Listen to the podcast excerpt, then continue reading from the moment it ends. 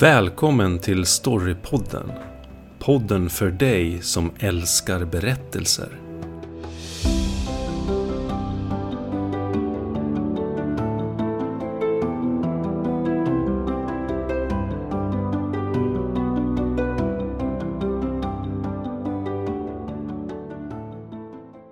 Idag ska vi prata om adaptioner. Hur man förvandlar böcker och litteratur till film eller tv-serier. Och vi kommer fokusera på eh, internationella titlar och verk. Inte svenska. Svenska eh, verk kommer vi ta vid ett annat specialavsnitt. Och vi kommer köra lite listande. Vi kommer ta upp tio stycken adaptioner från bok till film eller tv-serie som vi tycker är bra och intressanta att diskutera. Och så kommer vi ta upp sex stycken som är lite mindre lyckade och problematiska. Men vi eh, sätter igång tror jag direkt. Och Ja. du får äran att börja Rickard. Ja, tack för det. Ehm, Jag har valt en, en roman då som har blivit en film av, eh, skriven av Robert Ludlum. The Born Identity. Som skrevs redan 1980. Eh, jag tror att den gavs ut i Sverige under namnet Identitet Kain. Det här filmades då 2002 av Doug Lyman, eller Lehman, eh, med Matt Damon i huvudrollen som Born då. Eh, Det handlar om en, eh, en man som har total minnesförlust. Han eh, upptäcker att han har väldigt speciella förmågor. Han kan flera språk. Han vet hur man slåss och kan ta sig runt i världen. Liksom. Han eh, försöker då nysta upp det här mysteriet med vem han är och dras in i en hemlig konspiration inom CIA. Och CIA har liksom beslutat att han ska dö och eh, jaga honom för att... Ja, de tror att han helt enkelt har bytt sida på något sätt. Så jakten är igång då. Och det här eh, blev två uppföljare då. The Born Supremacy från 204 och eh, The Born Ultimatum från 207. Jag tycker nog att eh, väldigt lyckad eh, filmatisering av den här romanen. Som faktiskt också är väldigt bra måste jag säga. Det är ju en, eh, en thriller då, en spionthriller kan man ju säga. Klassisk sådan. Jag håller inte så mycket mer att säga egentligen. Jag tycker den, är, den funkar bra. Det är ju bra action och, och allt sånt där. Men den är också väldigt psykologiskt intressant tycker jag. Hur han, hur han eh, nystar upp det här mysteriet och, och tar reda på vem man själv är. Och det finns ju spår i, i filmen då, i under berättelsens lopp som han, som han får reda på och tar sig vidare till nästa steg så att säga. Och varje steg eh, avslöjar mer och mer om honom. Så. Och han försöker helt, hela, hela tiden hålla sig vid liv då för de här andra lönnmördarna som är ute efter honom då, från, som CIA har skickat ut bland annat. Ja, det, men den är ju väldigt intressant. Alltså, det Mm. kanske inte alla som vet just att liksom Bourne-filmerna bygger på liksom litterära förlagor. Man kanske tänker att det här är en typisk amerikansk actionfilm och så skapades en film och så blev den lyckad och så gjorde man flera i en serie. Men, men det är ju intressant att det ändå ligger ett sånt här litterärt verk då eh, bakom. För det är ändå liksom en annars actionfilmer som är väldigt, väldigt actionpackade. Och, men, men jag håller med. Det här är ju filmmässigt bland de bästa actionfilmerna som vi sett under de senaste åren med spänning, det ligger psykologi i bakgrunden, eh, ledtrådsletandet är också fantastiskt filmade, fantastiskt foto. De har varit runt i hela världen och Tanger och London och ja, överallt för att spela in de här eh, scenerna. Eh, Jag vet till exempel att de var på um, Liverpool Station i London till exempel och spelade in filmer med, med Matt Damon i rusningstrafiken där med bara någon sån här liten kamera och han sprang runt där och liksom skulle bli eh, förföljd av eh, någon liksom misstänkt eh, man då. Men tycker du också att liksom den här eh, psykologin som finns i, i böckerna, har de ändå lyckats liksom bevara den i filmerna? Ja, det tycker jag absolut. Han, eh, boken är, det var länge sedan jag läste den nu. Den kom ju faktiskt ut redan 86 i, i Sverige. Och den har ju några år på nacken. Jag läste den, ja, jag läste den nog faktiskt i slutet av 80-talet redan. Men, eh, och sen har jag läst om den en gång till, jag kommer inte ihåg när. Men jag tycker om den. Den, den, eh, den är ganska nära romanen skulle jag säga. Men eh, jag vill bara inflika en annan sak. De har ju nämligen gjort en till film på, på Born Identity. Med Richard Chamberlain i huvudrollen. Ja, jag kommer inte ihåg när den kom ut, men den var ju riktigt dålig. Mm, det var ja, länge sedan ja. Ja, ja den var länge sedan. Och han, han, det är ju han som spelade prästen i eh, Törnfåglarna bland annat. Ja, precis. Helt Oj. fel castad för den rollen. Shogun också. Är med. Ja, Shogun, ja, exakt. Ja, det är svårt att, det är svårt att se någon annan än Matt Damon liksom. Som verkligen är, eh, är väldigt lämpad på något sätt för, för, för ja, Jag tror att de hade, de hade Sylvester Stallone bland annat tänkt för huvudrollen som Jason Bourne. Men Aha. jag är glad att de valde Matt Damon faktiskt. ja. Verkligen. Ja, nej, men intressant uh, första titel här då i, i vår lista. Fortsätter jag vidare med en riktig sån här klassiker då. Um, pojkboksäventyr kallar man väl Den sista mohikanen. Ja.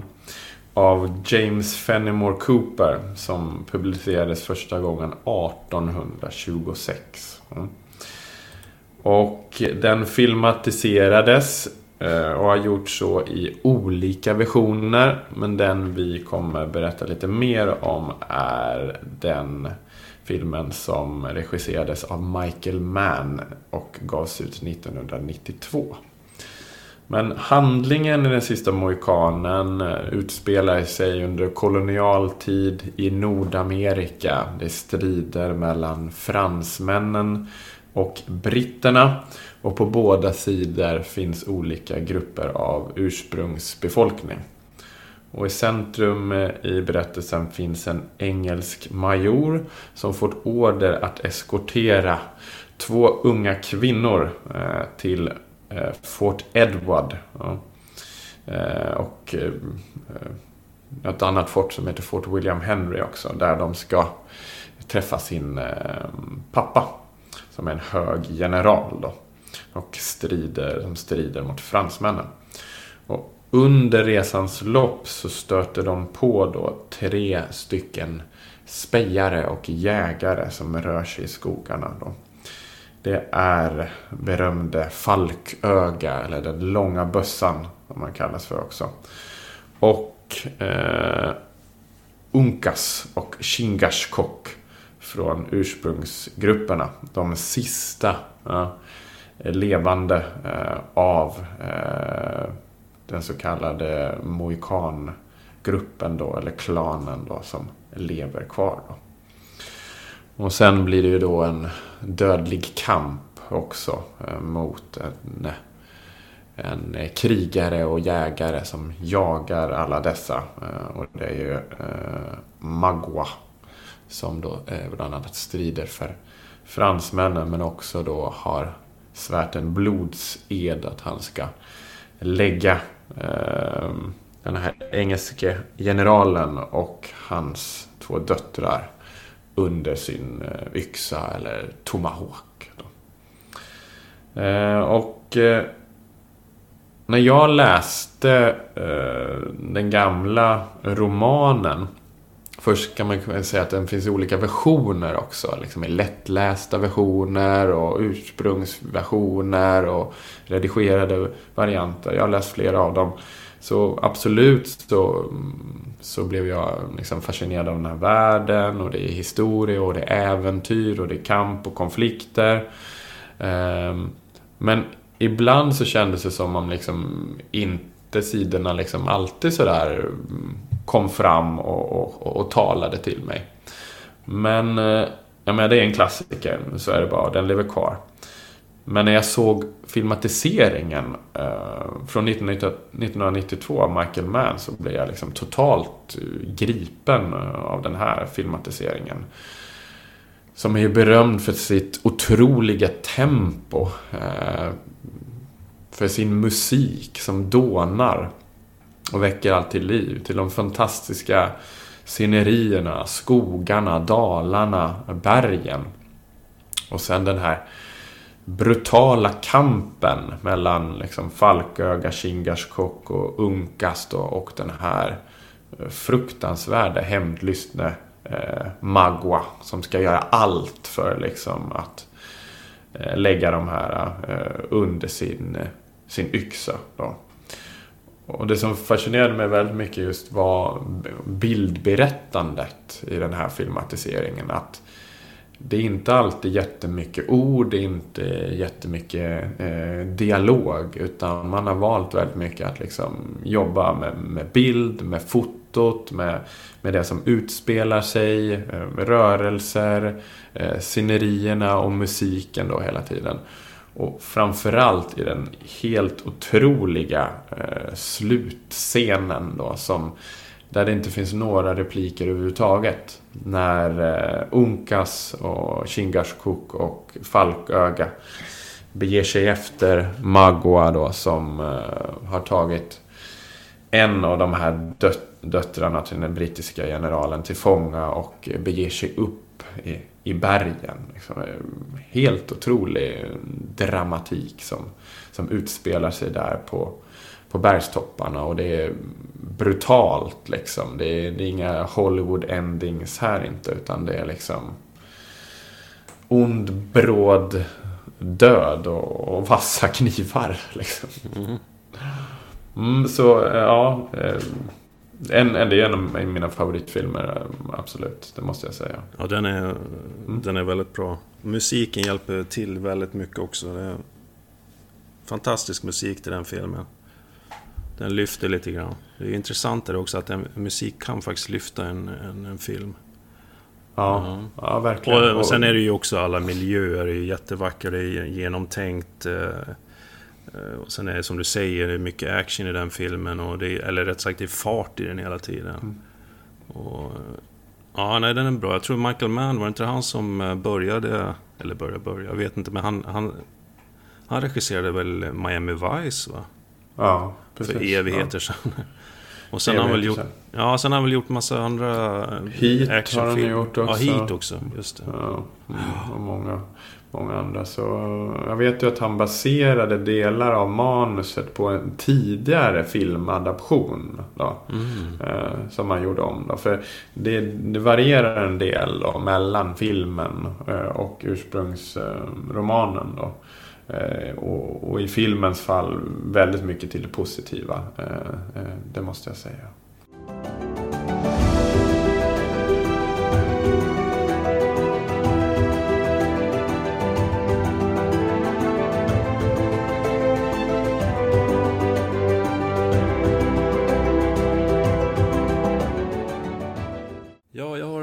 Också en eh, gammal klassiker egentligen av eh, Virginia Woolf som eh, heter Orlando, A Biography. Eh, Orlando skrevs redan 1928 och är en semibiografi som delvis baseras på Wolfs eh, vän och älskarinna vita Sackville Wests liv. Och den här romanen eh, var har varit viktig för bland annat engelsk litteratur, eh, kvinnliga författare och genusvetenskap. Och eh, 92, 1992 så filmade Sally Potter eh, Orlando. Då. Och den handlar då om den unge mannen Orlando som levde i England på 1500-talet och blev någon slags gunstling då till drottning Elisabeth den förste. Då. Och eh, han bestämde sig för att inte bli gammal. Så han lever under flera hundra år och ändrar eh, kön också. Han blir en kvinna då. Men behåller då samma personlighet. Och så. Eh, väldigt fint filmatiserad den filmen. Faktiskt värd att se. Väldigt poetisk. Fin film faktiskt. Har, har du mm. sett den? Har du sett den Olof? Nej, jag har inte sett den faktiskt. Men, Mm. men nu, nu vill jag ju se den när du berättar om den. Mm. Ja, men Så- den, är, så, den är lite mm. annorlunda och Ja. intressant Mm. då för Mm. genus... eh, Mm. Ur genusperspektiv på något sätt. Mm. Men då fortsätter vi då till eh, klassikernas eh, klassiker här då. Den mest lästa boken, eller böckerna bredvid eh, Bibeln brukar man säga. Och då vet väl alla vad det är. Det är ju Lord of the Rings av John Ronald Rule Tolkien. Sagan om ringen, eller Härskaringen, eller Ringarnas herre. Ja. Som består av eh, tre stycken eh, böcker. The Fellowship of the Ring, The Two Towers och The Return of the King. Ja, Ringens brödraskap, De två tornen och Konungens återkomst. Som gavs ut på engelska för första gången 1954 till 55. De översatts i svensk version av Åke Olmarks 59 till 61 och senare av Erik Andersson. Och det har ju gjorts olika filmatiseringar för, eh, faktiskt av eh, Sagan om ringen, eh, böckerna och delvis eh, lite berömd i alla fall är väl Ralph Bakshis animerade version från 70-talet tror jag att det är. Ehm, ganska intressant. Flera anser att den fungerar väl. Andra tycker att eh, den har partier som är mm, ja, lite förlöjligande mot originalet. Men den har ju också den problematiken att den liksom stannar mitt i eh, efter det här slaget vid Hornborgen. Då. Men berömd är ju annars eh, självklart eh, Peter Jacksons tre filmer då från 2001 till 2003. Som vi alla har eh, sett och det är de som vi ska försöka prata lite extra om. Ja, självklart så ska jag ju medge att det här är ju bland mina favoritböcker och favoritfilmer också.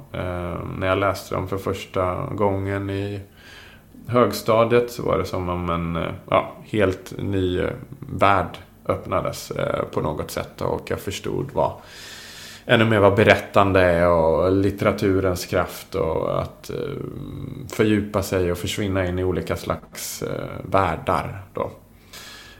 Och Tolkien själv var ju lingvist och intresserade sig för gamla och i vissa fall utdöda språk och kulturhistorierna bakom sådana.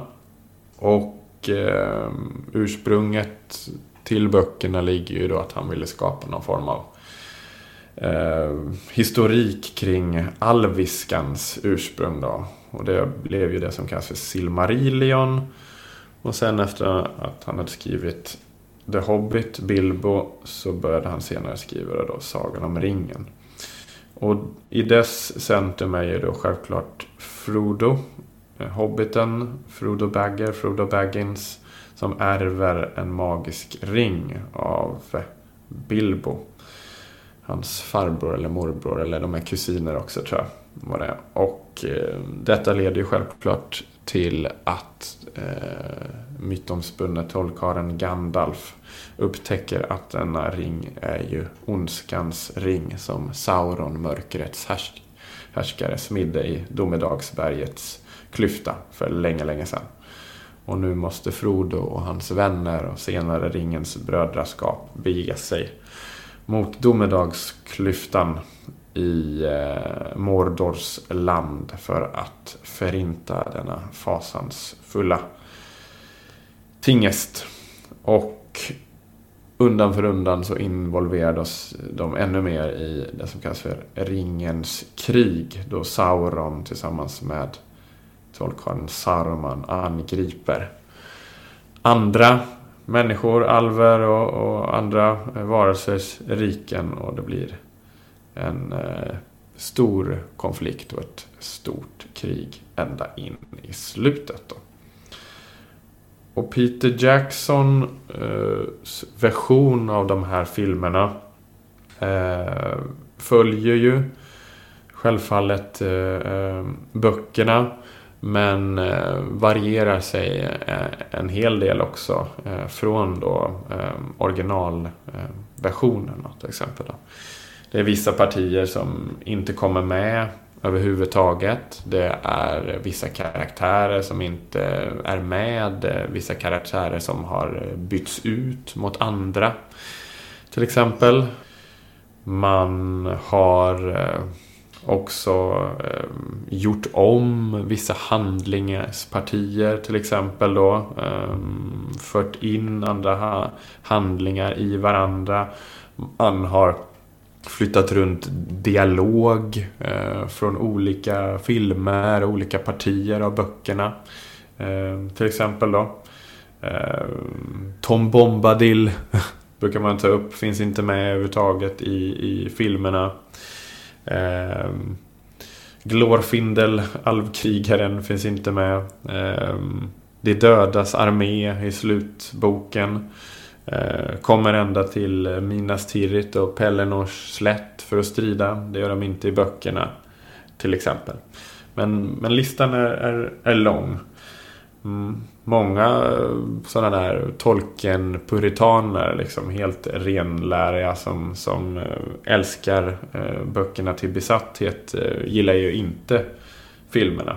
Men jag tycker att väldigt mycket att, eh, att Peter Jackson har lyckats bevara eh, liksom andan i, i böckerna. Och, och framförallt då att det är ett fartfyllt äventyr men han har också lyckats förmedla ändå eh, djupet och, och känslan. och Just den här eh, känslan av, av, eh, av historia, av långa tider tillbaka. Saker och ting som väcks upp på nytt. Eh, den känslan och atmosfären. Eh, då det förflutna kommer till liv. Eh, I många, många scener så tycker jag att man har lyckats liksom bevara den, den, den, den känslan då som, som Tolkien ofta får fram i, i, i sina böcker. Liksom. Och, och, mm, då, då känner man verkligen liksom att det, det, det är kraftfullt. Och sen är det ju en fantastisk självklart dramatik och man har ju gjort ännu mer av liksom sådana här actionpartier som då Tolkien eh, ja, bara nämner med en mening. Det kan ju vara liksom 20 minuter i filmerna och det är helt otrolig action och dånande musik och fantastiskt eh, foto. Så, så det är ju i sig någonting eh, extra också. Vad tycker du om, om eh, filmatiseringarna. Ja, är, filmatiseringarna är ju... Jo då, de är jättebra tycker jag. Det är också lite av mina favoriter så. Det jag tänker på det är ju... Det är ju inte de här sakerna han har tagit bort så mycket men det han har tillfört i, i detaljrikedom. I alla scener, kläderna och all snickarglädje som finns i, i på hus och inne på, på, på, pelare och allt möjligt som de... Ja, du vet, det är så välgjort ändå allting tycker jag. Så det, det, det är en stor eloge där. Sen, eh, det enda jag tycker egentligen, det jag inte tycker om med den filmatiseringen, det är att det är för mycket musik hela tiden. Det är väl det jag stör mig på, men annars så... Annars gillar jag dem, absolut. Min ja. favorit är nog tvåan, film tvåan. Faktiskt. Sen... Mm. sen uh, uh, ja, det är lite grejer som jag kan störa mig på när Legolas åker ner för Åker ja, skateboard, åker på, skateboard, skateboard liksom. på, ja. och så mm. även, även på den där stora mammutliknande varelsen. Ja, olifanten där. Liksom. Ja, ja, jag vet inte. Mm. Ja, det är lite publikfrieri. Det blir lite det Hollywood och och, och, det har man väl kritiserat ibland. Och sen har, har, tycker vissa att det är lite mycket sån här comic relief också då. Att, att Peter Jackson har tyckt att man måste föra in eh, komiska element då i, i mm. filmen också. Som inte finns annars riktigt i böckerna på samma sätt. Men i böckerna så finns det en, en, en viss eh, komik och det är liksom eh, lite kul i dialogen. Men mm. i filmen är det ofta liksom att Pippin har blivit den här comic relief och sen är det Gimli sen, mm. sen senare som, som många kan störa sig på. Det, visst, det, det, det, kan man väl ta också. Eh, sen måste man ju förstå att det ändå är olika medier och att man måste kunna se eh, filmerna utan att ha läst böckerna helt enkelt. Då. Och de här filmerna har ju sen också öppnat dörrar då för, för liksom tittarna att bli läsare eh, också. Då.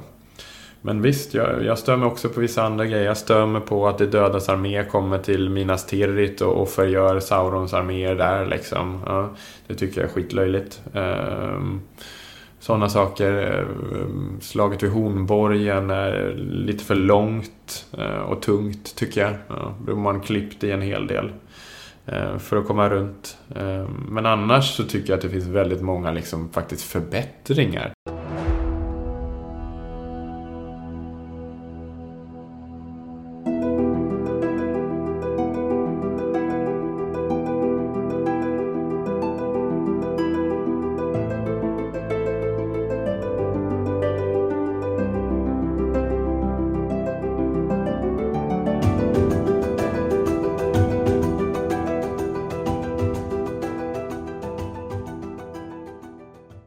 Ska återkomma lite senare här tänker vi ehm, eh, till ehm, en annan släkting till de här böckerna eh, och filmerna. Men vi kan väl säga också att vi säkerligen kommer prata ännu mer om Tolkien, Sagan om ringen och Peter Jackson i andra episoder av Storypodden. Vad har du ja, nu på gång Ja, det kommer vi säkert att göra. Jo, jag har eh, nästa här som jag har. Det heter The Road. En roman av Cormac McCarthy från 2006. Eh, här pratar vi faktiskt om en av mina favoritböcker. Eh, den filmades 2009 av John Hillcoat. Med bland annat Viggo Mortensen och Charlize Theron och Robert Duvall i rollerna.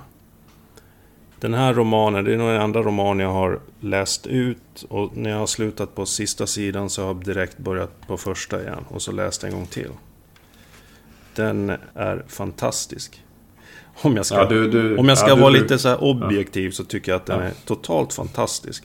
Den, eh, den vann eh, Pulitzerpriset 2007 och har fått eh, ja, lite andra ja, lite andra vinster och sånt där också tror jag. Den är, den är väldigt bra.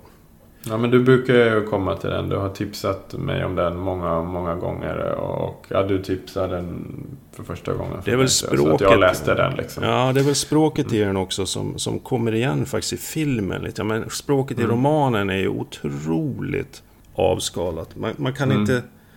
Jag skulle nog kunna säga så att man kan inte ta bort ett enda ord i någon mening i den boken utan att den meningen faller ihop. Liksom. Mm, jag håller med, det är laddat liksom. Mm. Ja, det är väldigt laddat. Och, men också följer den här amerikanska eh, hårdkokta eh, traditionen med, med, med avskalat eh, minimalistiskt språk på något sätt. Men som ändå är väldigt kraftfullt och eh, effektfullt. Så. Men det här i alla fall, han, det handlar om en far som Eh, Eh, vet att han håller på att dö, han hostar hela tiden. Det är ett postapokalyptiskt Amerika där det knappt lever någonting längre. Eh, marken och allting är, är täckt av ett lager med aska.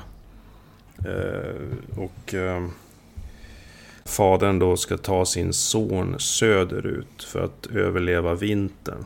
Och de vandrar genom det här Eh, döende landskapet och eh, eh, pappan har då en revolver med två patroner i. Och försöker skydda sin son från alla möjliga hemska människor som har förvandlats till kannibaler bland annat. Eller de har inte förvandlats, det är så att de, det finns ingenting att äta. Så de äter varandra. Kortfattat så handlar det om det. Men eh, filmatiseringen då är eh, väldigt lyckad tycker jag. Jag var lite, lite sådär skeptisk först när jag hörde att den skulle bli film. Men jag tycker de gjorde, gjorde det jättebra. Den är, det är ju en tung story och den är totalt skoningslös. Eh, men det finns också något vackert i den.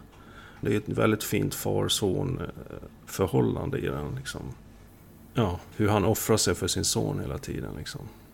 Ja, nej, men jag, jag håller med. Eh, boken är ju, är ju fantastisk och, och, och, jag har läst den flera gånger mm. också. Och, och, filmatiseringen som du ser, den liksom fly, flyter fram på något sätt sådär i det här oerhört tunga och dunkla landskapet och man vet inte vad som är där riktigt bortom horisonten. Liksom. Ja. Är det vän eller fiende? Ödet, domedagen? Liksom, vad väntar? Ehm, mycket ljus och mörker på något sätt. Skuggor. Eh, och sen liksom det här eh, fa, fadern och sonen så här ikoniskt liksom rör sig genom det här eh, dystra ehm, landskapet. Och... Det, det, ja, förlåt, det jag kan säga, jag tror som skiljer, skiljer roman och film, det är att i romanen tror jag inte, om jag minns rätt nu, du får gärna eh, rätta mig här, men jag tror inte att det nämns varför eh, varför världen har blivit som den har blivit. Nej, nej, nej. Men, men det, det, det, jag tror att det nämns lite grann i filmen faktiskt. Ja, då behöver man... Där behöver man förklara lite mer kanske för att mm. det ska bli mm. trovärdigt och lite så. Mm. Det är det jag tycker ja. är bättre. Okej, okay. filmatisering är, är, är, riktigt bra tycker jag. Men romanen i det här fallet är så bra mycket bättre. Mm. Och jag gillar att man inte får veta vad det beror på i romanen. Nej. Däremot har jag ingenting emot att de nämner eller försöker ge en förklaring i filmen. För det är olika... Mm. Det är olika medium liksom. Och de kräver Visst. olika saker av. Men, mm. äh, ja. Ja, nej, men den väcker ju många frågor där som du säger. Som ligger under ytan och, och puttrar liksom. Mm. Eh, när det gäller romanen då liksom. Men, man kan inte alltid jobba på samma sätt i, i film utan man måste vara mer kanske tydlig och effektiv liksom, i, i gestaltandet då, för, att, för att förmedla berättelsen och dess tematik. Absolut, men man ska också vara beredd på att det här är inte är en roman man, eller en film man kan se i alla sinnesstämningar utan ja, man ska vara beredd på det liksom. Vad tycker du? Nej, men man måste nog ha lite viss stämning sådär liksom. Mm. Ja, det är inte alltid sådär fredagsunderhållning kanske. Liksom. Eh, och man måste ha lugn och ro när man läser liksom, på mm. något sätt. Ja, mm. och vara där. Ja. Då växer det liksom.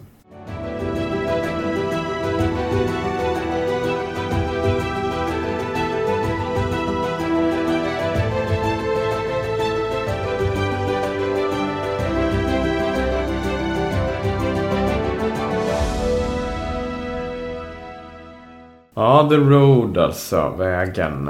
Eh, och eh, då vandrar vi vidare på vägen till Sagan om is och eld. A Song of Ice and Fire. Ja, av George R. R. Martin. Fantasy-litteratur från Amerika. Som publicerades eh, som en första bok i en lång serie 1996. Och eh, senare så började man med en adaption. HBO, den amerikanska kabel-tv-kanalen. David Benioff och D.B. Weiss adapterade eh, denna tegelsten, eller dessa tegelstenar till Game of Thrones som började då sändas 2011. Och som slutade förra året då, då man gick i mål. Och fantasyvärlden är ju inspirerad av Tolkien och Sagan om ringen. Eh, men också av, eh, brukar man säga, rosornas krig. Alltså kampen mellan eh, olika adelsätter i England, i Storbritannien under 14 och 1500-talet. Och vi möter eh, olika släkter eh, i en stor kamp om makten i Västerås. Då. Ett fiktivt land då. Och där i centrum finns familjen Stark och dess eh, överhuvud Eddard, eller Ned Stark då. Eh, pappa till ett gäng ungar som eh, får vara med om eh, otroliga äventyr och konflikter. Det finns också en annan eh, släkt som heter Lannisters. Som till viss del sitter vid makten i Westeros. Och eh, sen finns det också en eh, tronpretendent. Som är dotter till den förre kungen som man gjorde uppror mot. Och det är Daenerys Targaryen som i början av historien befinner sig på andra sidan haven. Men som sakta under resans gång börjar röra sig mot Westeros. Västerås och skaffa allierade för att försöka någon dag resa tillbaka över haven för att återta makten. Då. Eh, och efter en del förvecklingar i den första boken då, ehm, Kampen om järntronen eller Game of Thrones då, så eh, bryter liksom helvetet löst och det blir eh, ett långvarigt krig som sen i stort sett då hela tiden lever vidare då. Ytterligare en komponent i detta stora drama då, förutom alla de här adelssläkterna, är en mystisk fara från, som rör sig bortom muren, the wall. En hög mur av is i de norra delarna av Westeros. Som utgör som skydd mot vildlingarna men också mot de mytomspunna de andra eller något liknande. De som också då senare kallas för The White Walkers. Ja. Några mytomspunna, fruktansvärda varelser, iskalla monster från vidderna i det köl, norr. Som sakta men säkert börjar att eh, vakna till liv. Och röra sig mot muren då för att möjligen då försöka attackera och ta över då människornas eh, rike. Då.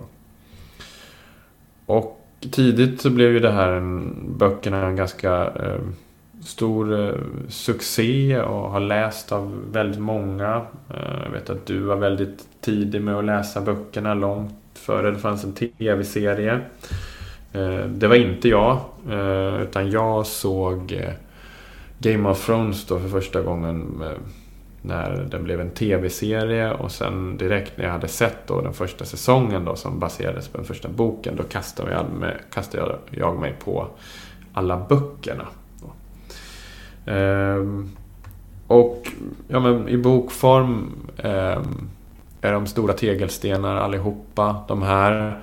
Det är ett otroligt stort eh, persongalleri, verkligen. Eh, som berättar om alla de här olika ehm, karaktärerna och vad de har för sig då. Och det är intriger, eh, det är vändningar, det är självklart fantasy med alla dess element. Men det är också den här liksom medeltida settingen med liksom eh, krig och konflikter mellan olika, olika släkten. Då. Bakgrundshistoria som tas upp och eh, det rabblas namn och släkten och fanor och bara farten. Eh, och sen är det ju då liksom tämligen ond bråd död som helt plötsligt då kan drabba eh, närmast vilka huvudkaraktärer som helst då.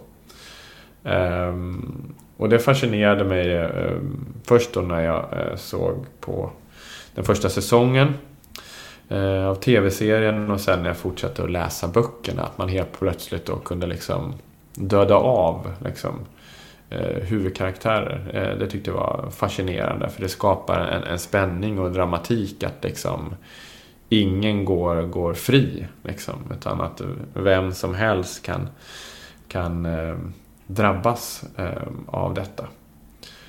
Och sen förstår man kanske efter ett tag att den regeln kanske ändå inte gäller alla ändå. Liksom, utan vi kanske förstår att några av de här huvudkaraktärerna kommer ändå hänga med till, till, till slutet. Då.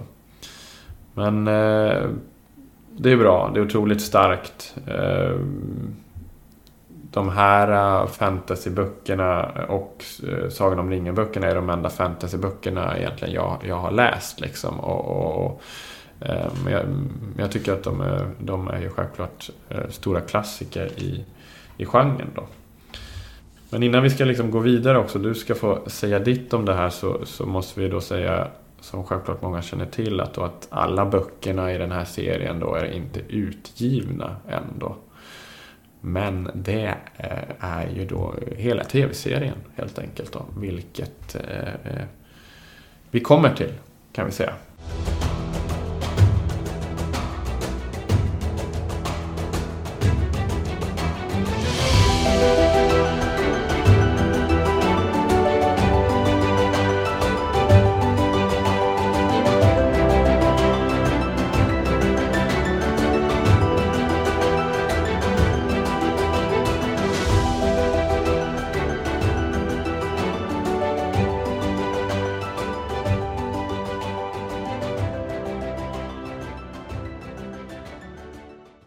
Vad tycker du då om, om de litterära förlagen då? Ja, de är ju fantastiska. Uh, han är väldigt, väldigt bra på att sätta karaktärer bara på några få rader. George eh, R.R. Martin då. Och uh, väldigt bra dialoger och alla är ju i stort sett i luven på varandra hela tiden. Och det du nämnde att han tar ju dö på många av sina huvudrollsinnehavare är faktiskt väldigt svårt att, eh, att åstadkomma på ett bra sätt i, i, i berättelser. Men han, han gör det bra. Det, man kan ju säga, man kan nästan säga att han, han bygger upp läsaren eller tittarens eh, omtanke och inlevelseförmåga och kärlek för en karaktär och sen tar han död på dem. Bara för att skapa så ja, stor chock som möjligt kan man kanske säga. Men eh, jag, eh, ja, jag, jag älskar ju romanerna. Jag har lärt mig mycket av dem. Han är, han är, eh, jag skulle säga att han är skoningslös med sina karaktärer på ett sätt som är väldigt ovanligt. Han favoriserar inte så många, i alla fall inte i de första böckerna. Sen, sen tycker man sig skönja att han gör det efter ett mm. tag. Men mm. Men vad gäller tv-serien så tycker jag nog att säsong 1 är väldigt nära romanen. Mm. Det är nog den som är närmast romanen. Romanerna ska jag nog säga. Den säsongen. Eh, tvåan är ju då det här stora slaget i slutet. Jag kommer inte riktigt ihåg vad det var för slag nu. Men... Eh, Battle of Blackwater Bay. Ja, ja Kings exakt. Landing. Ja. ja. Där har de ju mm. förkortat jättemycket. Det är nog mer slag också tror jag som inte... Eh, mm. Som bara sveps förbi då. Mm. Men så får man... Det är ju en kostnadsfråga naturligtvis, men... Eh, ja, ja, men de hade ju inte jättemycket budget i början på tv-serien. Men jag Nej. håller med. Den, den, första är ju nära den första boken. Och, och, och mm. jag blev ju helt gripen av, av det som hände i slutet då med... Nu kommer spoiler. Att Ned Stark eh, halshuggs. Eh, vilket kastar om liksom korten totalt. Då. Sen eh, andra säsongen eh, och, an, och, andra boken också tycker jag inte är lika starka. Utan då är det mest att man bygger upp det här mot det här stora slaget. Eh, men sen tycker jag mer att liksom både bok tre och, och, och fyra och de säsongerna därefter liksom är väldigt starka. Ja, en, an, en annan sak jag också tänkt på när jag läste... När man läser första romanen så, så är man ju på Stark-familjens sida så. Mm. Mer eller mindre. Det, de andra ses ju som, som fiender då. Det är, så man, det är så han har byggt upp den romanen lite grann tycker jag. Men så gör han en jävligt snygg grej i bok två. Han vänder perspektivet så att mm. Stark blir nästan lite han för in element som visar på att de inte är så goda ändå kanske. Och det där kommer inte fram i filmatiseringen, eller tv-serien. Mm, så Nej. det är, svårt att lyck- det är svårt att lyckas med en sån sak i, i en adaptation, tror jag. Mm. Men eh, den är väldigt, väldigt snygg i böckerna, tycker jag. Mm. Ja, Det- jag håller med. Det är hela tiden ett perspektiv som... Han kastar runt perspektiven hela tiden och beskriver de här olika klanernas... Eh, vad ska man säga?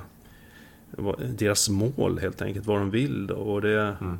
och han utgår ifrån deras sida hela tiden. Så det är snyggt gjort liksom. Ja, det, det, det är skickligt skrivet. Otroligt. Men eh, Mm. ja, jag var ju jättenervös och tänkte så här, "Ah, det här kommer absolut bli eh, värdelöst, eh, värdelös adaptation. Men eh, eh, jag har ju försökt få folk att läsa romanen sen i slutet av 90-talet. Liksom, så att det, jag, var, jag var lite nervös när den kom och tänkte att det här blir absolut inte bra. För först tror jag jag hörde att det skulle bli en film eller något sånt där. Mm. Men då tänkte jag, nej det kommer ju det kommer, det, det kommer suga liksom. Men eh, det var bra, det var, det var rätt, rätt val att göra en tv-serie av det. Sen, eh, sen eh, så finns det bara fem böcker än så länge. Och vad jag vet så skulle bok sex ha kommit ut för kanske tre år sedan. Eller två år sedan åtminstone. Men eh, han har ju hela tiden, han har fastnat. Och, eh, Ja, han har fastnat och sen har han ju involverat sig själv i tv-serien och, Ja, och skrivit liksom outlines och till och med Ja. flera eh, manusavsnitt så att liksom läsarna har ju blivit galna på honom. Liksom, sluta Ja, involvera så mycket i tv-serien och skriv klart han har jobbat med eh, annat böckerna också. nu, Mm. eh, gubbe liksom. Och, och fortfarande ser vi inte den här sjätte, sjätte boken då liksom. Sen ska komma Men- en, eh, en sjunde bok också. Och, Ja, eh, precis. Det är jag, bara hoppas kvar, att han, liksom. ja, jag bara hoppas att han hinner skriva det innan han eh, går bort. Han är ganska gammal tror jag. 70 någonting. Ja, visst. Men innan vi kommer till, till det här eh, lite slutklämmen då. då eh, jag menar, det, visst, vi tycker väl båda då att tv-serien eh, inledningsvis då är en väldigt lyckad adaption. Eh, och det är spännande och det är intriger.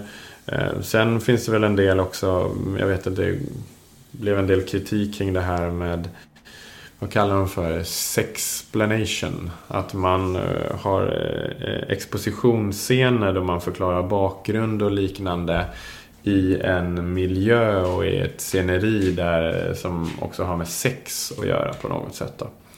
Så det fick man väldigt mycket kritik för och det ändrade man ju sen och, och tog närmast bort väldigt mycket av i alla fall i, i de senare säsongerna. Och sen blev det ju också att man fick ännu mer budget och kunde smacka på rejält i tv-serien tror jag från säsong 3 och 4 och sen ännu mer för, från säsong 5 och 6 och framåt då när drakarna dyker upp och det är stora fältslag och musiken dånar och liksom grejer flyger över en och, och eh, det är världens action eh, hela tiden. Liksom. Och, och så tycker jag det verkligen håller. Det, jag tycker det är helt otroligt fram till eh, säsong 6 då helt enkelt. Och, och det är ju där på något sätt också då eh, böckerna räcker till då. Eh, slutet av, av säsong 6 då.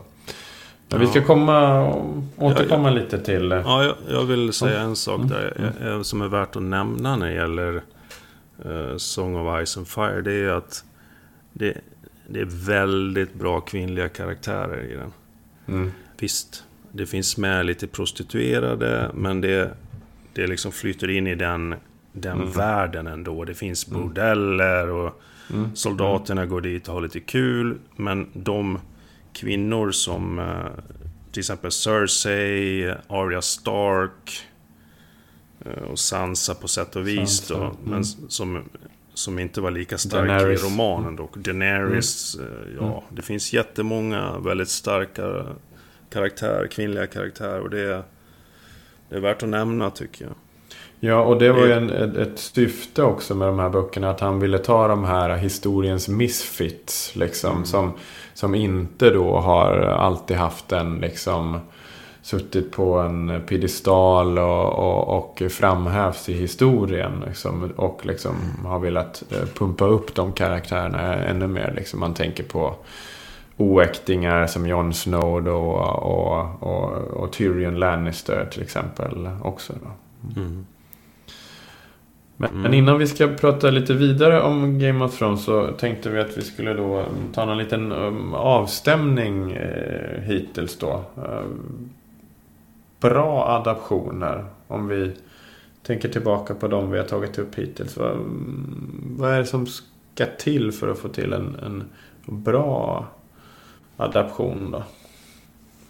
Jag tror att det underlättar om romanen, originalet, är skrivet i scener så faktiskt. Mm. Om du har till exempel eh, The Born Identity. Men ta den som jag pratade om tidigare då. Den är ju skriven i, i ganska tydliga scener så. Mm. Den är inte... Eh, den är inte väldigt litterär så, som vissa romaner är då. Ta, ja, men ta, ta Sagan om ringen till exempel. Väldigt litterär, trots allt. Mm. Och Mm. där, problemet med den då, det är ju att man, man måste ju faktiskt klippa bort saker. För att Ja. dels så ska det in i dramaturgin som krävs av en film. Du ska, ha, du ska ha ett framåtdriv, du ska ha karaktärer som är aktiva. De ska vilja någonting och det ska vara en, en, eh, ja, det ska vara en eh, ja, konflikt hela tiden. Mm. Och det- har du inte hela vägen i, i, i romaner ibland som är kanske väldigt litterära så. Mm. Och eh, som har kanske några år på nacken. Men det finns ju nya som är så också. Men, men hur som helst, jag tror att det är viktigt. Men eh,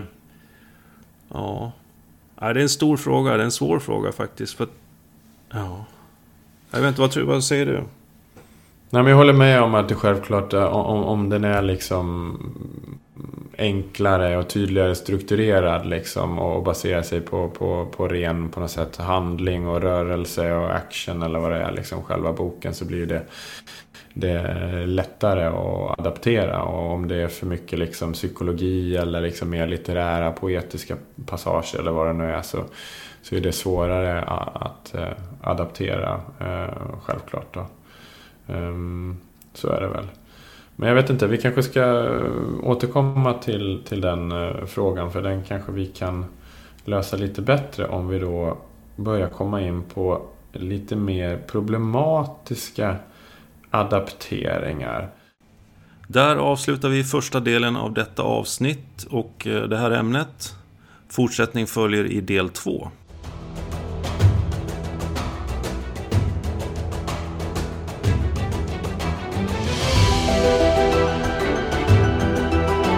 Du har lyssnat på Storypodden med Rickard Eklund och Olof Tiderman. Fler avsnitt, mer info och tips hittar du på www.storypodden.se. Vi finns även på sociala medier i form av Facebook, Twitter och Instagram.